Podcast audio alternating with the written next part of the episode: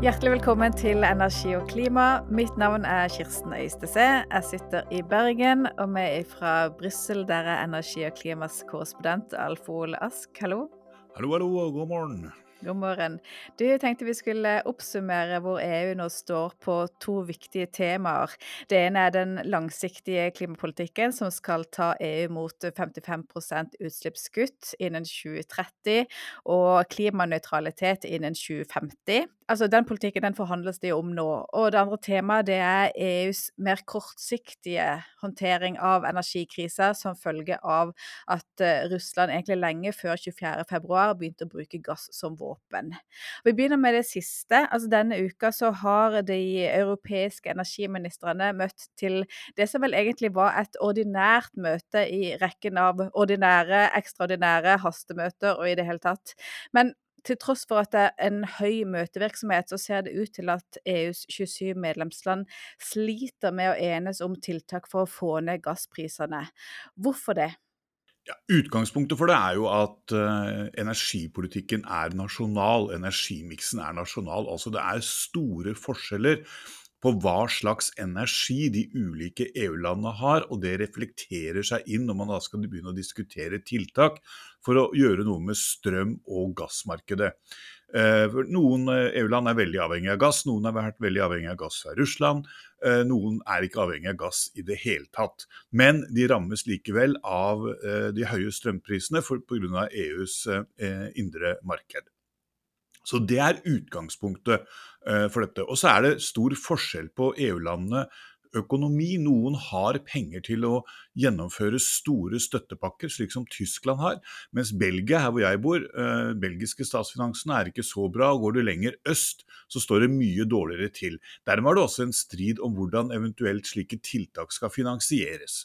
Så det, er, det fins liksom en, en underliggende forskjell her som en nå ser slår ut i denne energikrisen, og som gjør det vanskeligere å få til. Og så er det noen land som er mer opptatt av, og heller mer i retning av at man skal gå inn og diktere, styre et marked, mens andre land stritter imot.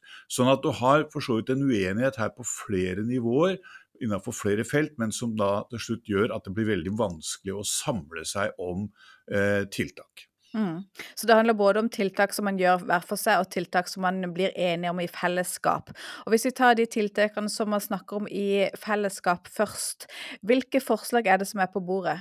Ja, nå, Det har vært en lang rekke forslag på bordet. Du kan si at EU-toppmøtet eh, e for litt over en uke siden snevret dette inn. Slik at det som egentlig ligger på bordet og som man skal forsøke å finne løsninger på nå, det er en felles opphandling av gass. Altså at EU-landene, EU innenfor EUs konkurranseregler skal tillate selskaper i Europa å samarbeide om kjøp av gass, for på den måten å bruke EUs markedsmakt overfor de som selger gass, f.eks. Norge. Det er én viktig eh, ting. Så har du denne eh, benchmarken, altså eh, man, kaller, man har en slags gassbørs i Nederland som heter Dutch TTF, og som egentlig handlet om rørgass, altså gassen fra Prisen ble satt av gass som kom fra Norge og fra Russland. Eh, dette var gass som saup pent og rolig inn i EU gjennom rør øh, hver eneste dag. Den satte prisen. Så ble plutselig gassen i rør det som ble det uforutsigbare eh, i EU pga. det du var innom når det gjaldt Russland. Dermed ble denne TTF ikke lenger eh, kan du si, et slags punkt man kunne bruke, fordi at eh, her fløy gassprisen til himmels. Den var jo 349 euro per megawatt-time i august. Nå er den nede i litt under 100. Men fortsatt er den jo fire-fem ganger høyere enn det som er normalt. Så vil da EU lage en ny sånn benchmark som mer reflekterer den gassimporten de har nå. Det er teknisk sett uh, utfordrende, og så blir spørsmålet om selskapene kommer til å bruke den. Det vet vi ikke.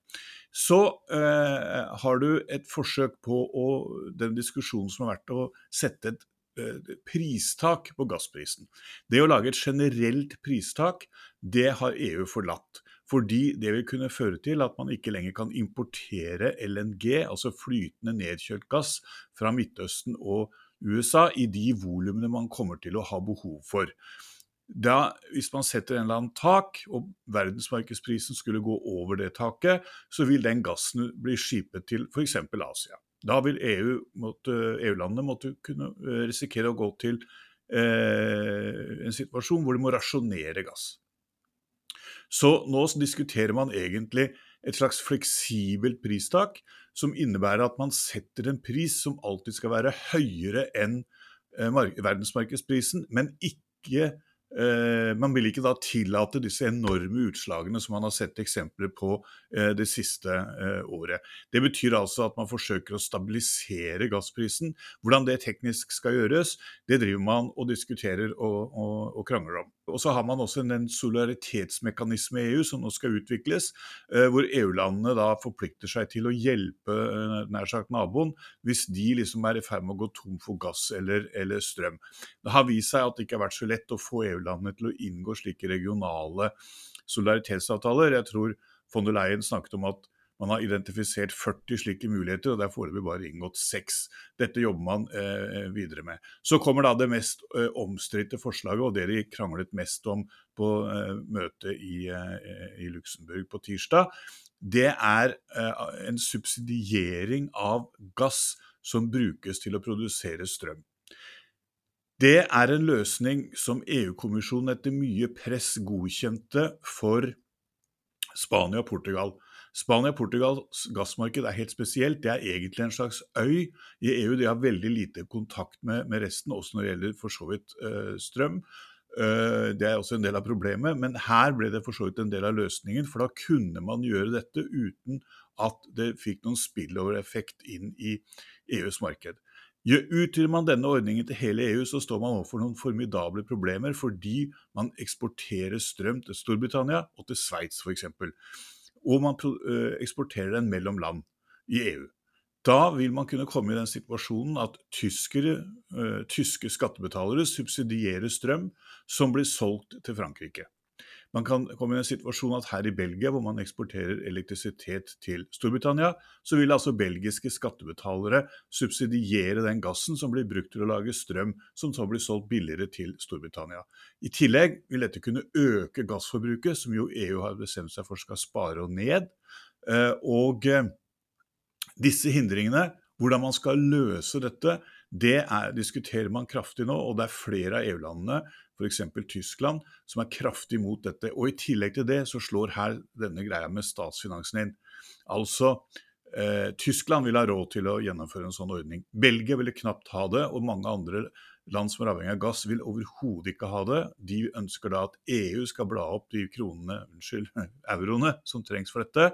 Det sier de store landene som er netto bidragsytere til EU nei takk til, for det betyr at regninga havner en gang til hos dem. De har sagt at de får bruke de pengene som står igjen på kontoen etter pandemien.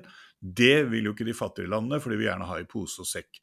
Så her er det noen konfliktområder som akkurat for øyeblikket virker ganske uløselige, og de gikk fra hverandre på tirsdag uten å ha kommet noe nærmere en løsning. Mm. Det var et langt svar, men eh, det var nå det svaret det var. Og denne iberiske løsninga, som jeg kaller det, den løsninga som Spania og Portugal har, det er jo en del som ønsker at den skal utvides til hele EU, men som du sier, det er sterke land sånn som Tyskland som er svært skeptisk til dette. Ja, og det har, det har bl.a. noe å gjøre med altså det har å gjøre med de tingene jeg nå sier, om, om at man da plutselig kommer i en situasjon hvor gasskraften kan bli billigere enn annen kraft. Eh, og så vil man da kunne eksportere den. og man har jo sett i Spania og Portugal at dette har ført til økt bruk av gass, og ikke til den sparingen som man ønsket. Og man har også sett tilfeller, selv om det er liten kapasitet, at eh, man eksporterer billigere i hermetegn eh, spansk eh, elektrisitet til Frankrike, som jo har hatt behov for import pga. problemene deres med atomkraftverkene. Men eh, dette spørsmålet om et fleksibelt pristak, er det eh, like konfliktfylt, og, og står, står, man så sterkt mot hverandre også i, i det spørsmålet? Nei, Det spørs litt på hvor du, hvor du setter taket. det. Det er klart at Hvis du setter dette taket veldig høyt, så vil det jo eh, ikke få noen virkning eh, av betydelig grad. Og, og, og, dermed så vil du ikke verken gripe inn i markedet eller, for, eller gjøre det som man, i hvert fall noen land frykter mest, nemlig at dette skal gå utover forsyningssikkerheten. At man da ikke mangler denne fleksibiliteten til å gå høyt i pris for å sikre seg LNG. Så, så det ser jo nå ut til å bli en realitet. Eh, men det blir interessant å se hvor de setter eh, dette, dette, taket, og hva som er denne fleksibilitetsmekanismen, og om det tiltaket i det hele tatt kommer til å få noen eh, betydning utover at det kanskje vil dempe spekulasjonene, fordi det er som en slags sånn ris bak speilet. Mm.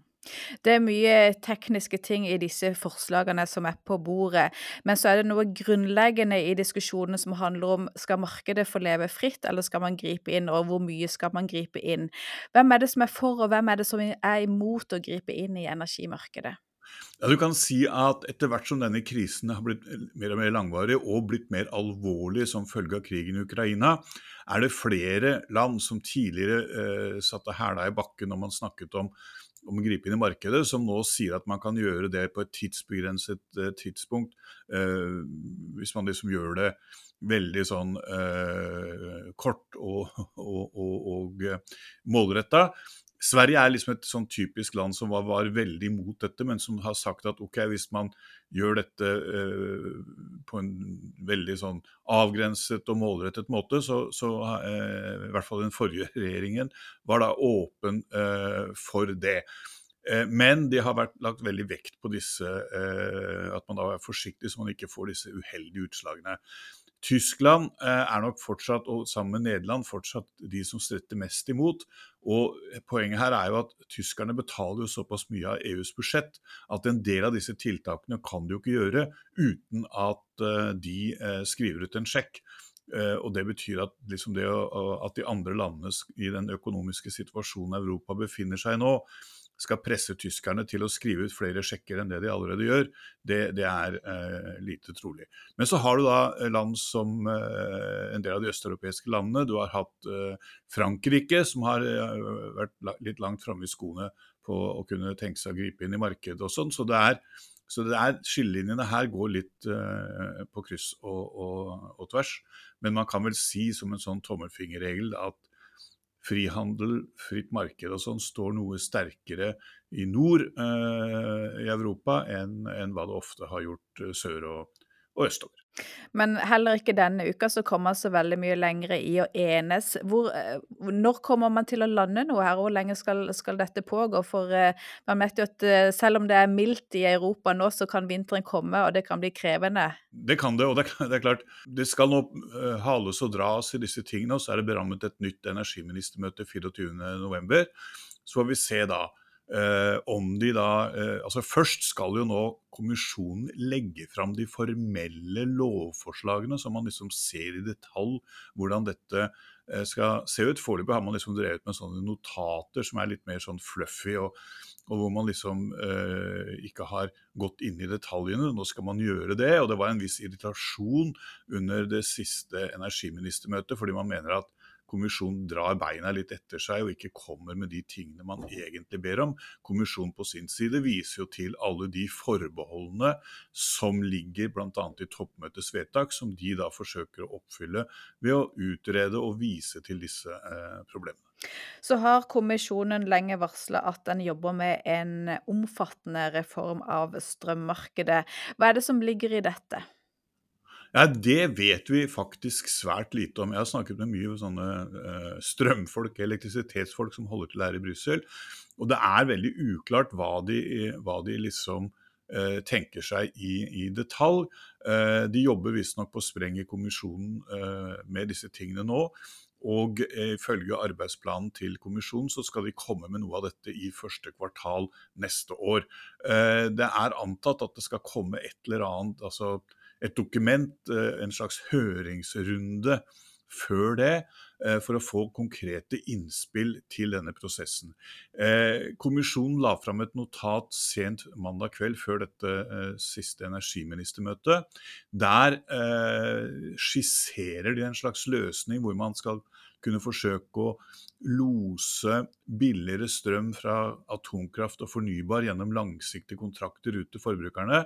Eh, for på den måten å sikre seg at forbrukerne får, slags, eller får den fordelen man har ved at man nå øker andelen fornybar energi.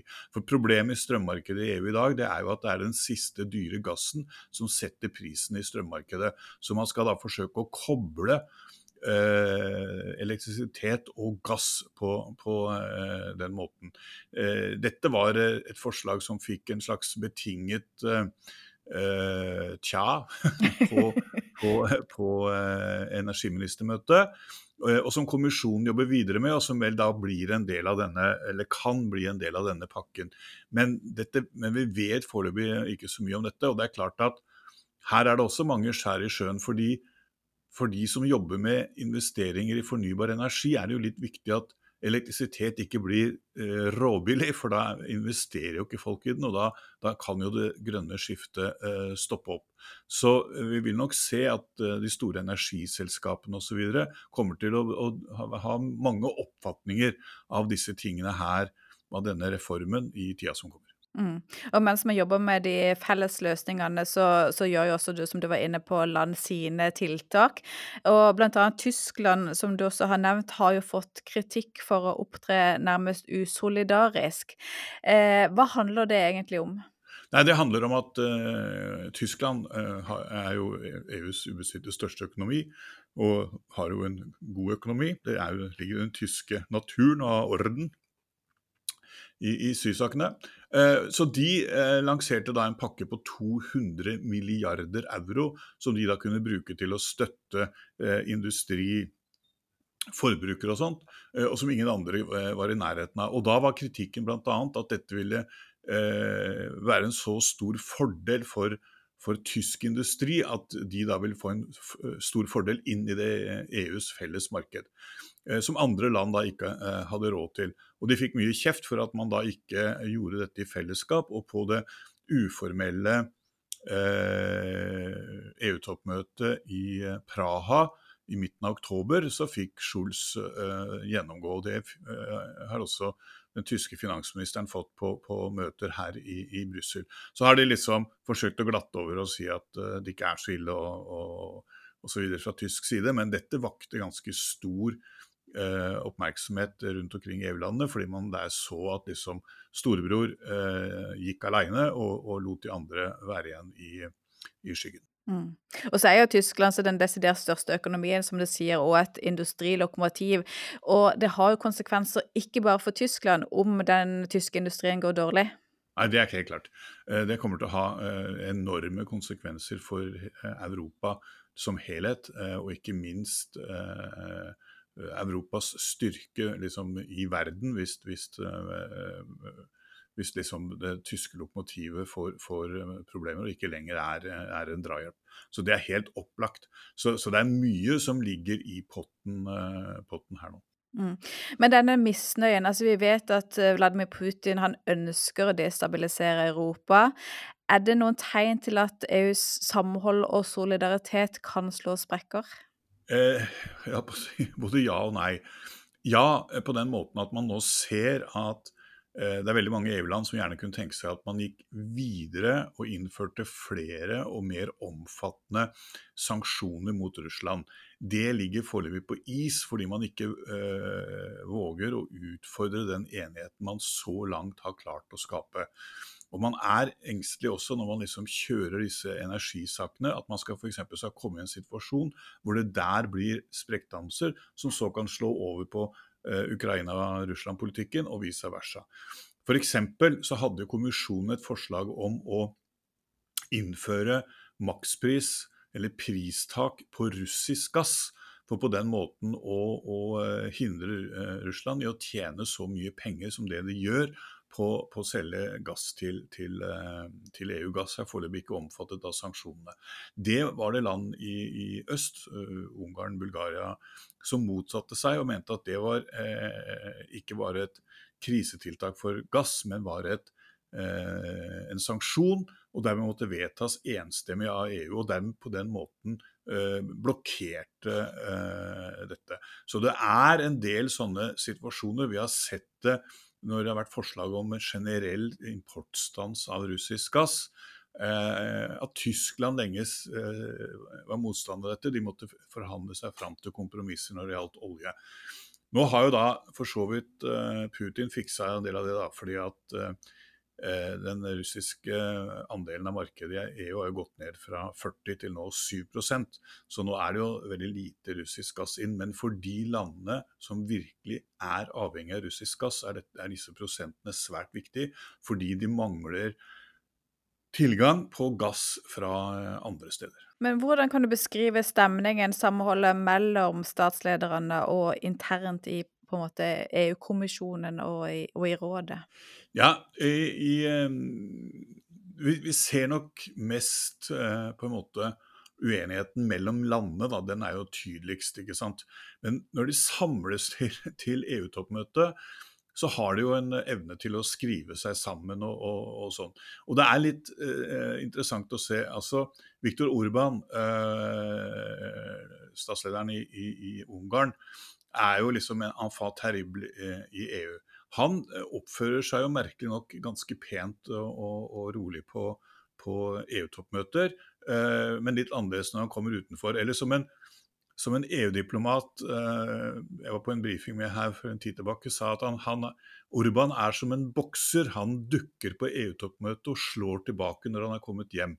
Og det er liksom litt, eh, For da snakker han til sine egne, så man vet liksom aldri helt hvor man har han. Og det er en del andre som også driver dette litt sånn doble spillet. At de er ekstremt svære i kjeften eh, når de sitter hjemme og skal på en måte snakke til sine egne velgere osv. Men når de kommer hit, så, så, ender de liksom opp igjen denne eh, kompromissmaskinen, som jo på mange måter er en styrke ved, ved, EU. Så må vi innom Norges rolle. Vi er jo i en eh, helt annerledes situasjon. Vi tjener helt vanvittig med penger på de høye gassprisene. Hvordan omtales Norge i EU og av de europeiske statslederne når Norge ikke er til stede? Nei, ja, det vet ikke jeg heller, for det er ikke jeg der heller, for å si det sånn. Men, så det vet jeg ikke. Eh, om det er sånn at de sitter på bakrommet og, og, og, eh, og liksom spytter på Norge, det, det, det kan, jeg ikke, eh, kan, jeg ikke, si. De offisielle sammenhenger og de bakgrunnsbrifinger er, er på, så er, vektlegger jo veldig sterkt at Norge er en troverdig partner, og at vi har økt gasseksporten med 8-10 eh, siden denne krisen inntrådte, og dermed hatt gitt et stort bidrag til at EU nå har fått fylt gasslagrene. Eh, over 90 mål deres var jo 80, eh, og de begynner å nærme seg fulle lagre. Det er derfor prisene synker, sammen med eh, det gode været som du var inne på. Nei, altså, jeg tror eh, diskusjonen liksom om at Norge skulle komme og donere billig gass og sånn, føler jeg kanskje eh, ikke er det du liksom hører mest om nå.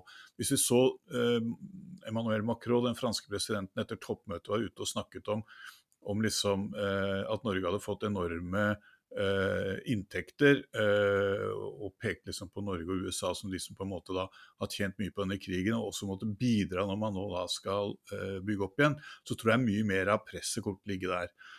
Jeg tror eh, Norge liksom må forberede seg på at eh, når man skal bygge opp igjen eh, Ukraina, når man skal, eh, og også nå underveis, når du ser hvordan Putin bomber sønder og sammen eh, energiforsyningen i Ukraina, så kommer nok øynene til å bli retta mot Norge om å, bidra i større grad enn det statsbudsjettet gir eh, inntrykk av at eh, regjeringen har tenkt. Jeg tror, eh, altså Min feeling er at mye mer av presset kommer til å ligge der. Eh, men så finnes det jo også, som vi har vært inne på noen ganger før, en diskusjon om langsiktigheten eh, rundt gass hvor, hvor, man også ser at Norge spiller en betydelig rolle. Og hva som kommer ut av disse samtalene som nå foregår på bakrommet mellom Norge og, og, og EU, eh, vet man jo ennå ikke. Mm. Og det, det, tar oss over egentlig til eh, mer klimaomstillingen på noe lengre sikt. Ja, det var det jeg tenkte. For det, eh, akkurat nå er jo fokuset på om vi har nok gass til denne vinteren og neste vinter. Det etableres mottaksanlegg for å kunne importere mer flytende naturgass, altså LNG. Men kan energikrisen føre til at gassen får et lengre liv? Ja, det er eh, kanskje et av de store eh, spørsmålene eh, akkurat nå.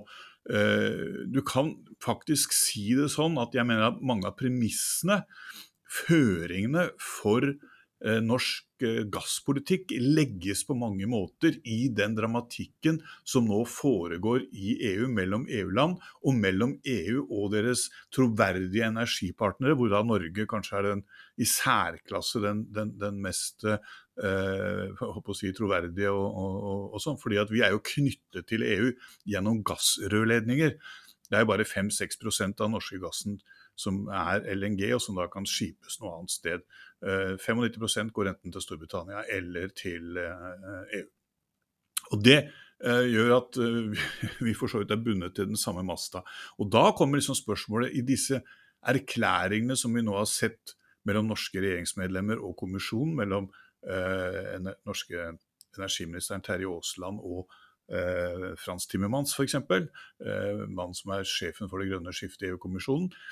Der eh, ligger det jo inn langsiktige føringer eh, som tyder på at liksom, Norge skal være en langsiktig leverandør av gass osv. Det ligger inne eh, noen slike formuleringer. Vi har sett det i de det lille som er pipla ut av disse diskusjonene som nå foregår eh, omkring ulike samarbeidsprosjekter mellom EU og, og eh, Norge. Altså Ikke minst Norge spiller inn dette med langsiktighet for gassen, og også med tanke på at man da eh, down the road, som det så vakkert heter her på EU-dialekt, litt lenger eh, frem i tid, skal åpne markedet for såkalt blått hydrogen. Altså at man fjerner CO2 fra, fra naturgassen og, og, og for hydrogen, som da kan bli en del av energifremtiden og, forlenge livet til gassen. Og da man, står man overfor uh, noen andre utfordringer, og det er jo Hvis Norge skal uh, fortsette å ha en langsiktig uh, nivå for gasslevering på det nivået vi har nå, så må vi finne mye mer. Da vet man jo at de store reservene, ifølge de som har greie på dette, skal være i Barentshavet. Da kommer vi til en uh, ny diskusjon om, uh, om uh, utvinning osv. i Barentshavet. Og om Norge da skal ta risikoen det er med å bli en langsiktig gassleverandør til en union som fortsatt har som målsetting at den ikke skal bruke fossile energiformer i tida framover. Eh, når man liksom begynner virkelig å bikke nedover og, og si, spise av den norske eh, gassandelen, vet man ikke. Eh, men dette vil skje antageligvis en eller annen gang ut på 2030-tallet, hvor, hvor, EU da er kommet så langt med fornybar energi osv. at man ikke har noen særlig behov for gassen lenger. Så her kommer det til å være noen utfordringer for Norge og norske myndigheter, og for eh, de som deltar i energidebatten i, i, eh, i eh, Norge. Men mye av disse føringene legges nå i disse drøftingene med EU. Og man kan vel undre seg på at dette ikke har en større oppmerksomhet i Norge enn det det har. Men opplever du at signalene er mer i retning av at Norge bør utvinne mer enn det man trodde for et år siden, eller er det bare enda mer usikkerhet i de signalene som EU sender når de snakker om gassens fremtid og eventuelt eh, gass som, eh, som blått hydrogen? Det der tror jeg eh, Kirsten, rett og slett har noe å gjøre med hvor du står i den debatten. Hvis du liksom representerer petroleumsinteressene, så vil du si ja, dette viser at de trenger oss mye mer, vi må bare uh, drill baby, drill baby. Hvis du er opptatt av å verne Barentshavet og så andre, så vil man understreke den usikkerheten som, som uh, ligger her. Så, så, det tror jeg faktisk uh, har litt å se hvor, hvor, hvor, hvor ståstedet ditt i utgangspunktet er. Jeg tror ikke det finnes noe veldig objektivt svar på dette. Dette kommer bl.a. an på hvordan EU lykkes med en del av de ambisjonene de har for, for sin langsiktige eh, eh, energipolitikk. Eh, Norge har jo hatt suksess med å vedde på at EU ikke lykkes tidligere. Eh, og eh, det er jo mye som tyder på at eh, den nåværende og den forrige regjeringen på mange måter har fortsatt det. Eh, og, og, og eh, vedde på at eh, de ikke lykkes med sin energipolitikk, og dermed kommer til å henge lenger igjen i fossilalderen. Det er jo også en forretningsidé, kan du si. Mens andre da vil se det annerledes. Mm. Og akkurat nå så pågår jo eh, forhandlingene mellom Rådet og parlamentet om den store politikkpakka Fit for 55, som vil legge de langsiktige rammene for klimapolitikken. Det at EU nå sliter med å enes om kortsiktige krisetiltak i energimarkedet, får det også konsekvenser når EU skal lande den mer langsiktige klimapolitikken? Uh, ja, uh, det, det, gjør det jo. Uh, jeg tror nok man kan si at det, det, er litt sånn tosidig. Man ser i enkelte sånne konkrete ting at medlemslandene skrur litt på bremsene. fordi på kort sikt har de en del andre huller å putte penger i, og, og har ikke den samme ressursene til å investere i det grønne skiftet. Samtidig ser man at, ingen, at, de har de samme politiske ambisjonene, og de, og de kjører på, på, på de. Eh, og de skjerper de. Eh, altså Nå er det jo en sånn bevegelse, rett nok medlemslandene har ikke sagt ja til det, men Kommisjonen og Europaparlamentet ønsker f.eks. For at fornybarandelen skal økes ytterligere til 45% Det er 40 som, som, eh, som nå ligger inne, og som de eh, er enige om, men ennå ikke har vedtatt. Men selv før de har vedtatt det, så vil de øke ytterligere. Der er, har det nok vært noen signaler om at en del medlemsland nå er litt engstelige for at dette her skal gå litt fort.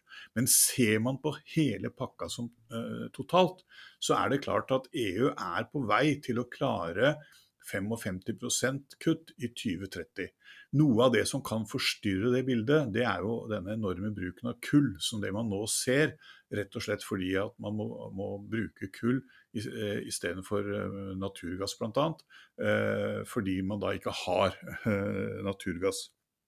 Og det er klart, en del av disse tingene kommer til å gjøre at du kan få noen ganske stygge utslippstall på kort sikt, men den langsiktige trenden, hvordan de nå satser på sol på offentlige bygg eh, Medlemslandene ble enige om, eh, rett nok eh, litt mindre ambisiøst enn det kommisjonen la opp til, eh, bygg eh, Altså eh, direktiv for å spare energi i bygg, som er kjempeviktig for å nå klimamålene, og som også er viktig fordi Eh, du da må ruste opp eh, bygg og, husvære for, for eh, folk til et helt annet standard. Så det er liksom Alle disse tingene ruller og går. Forbausende fort, vil jeg faktisk si.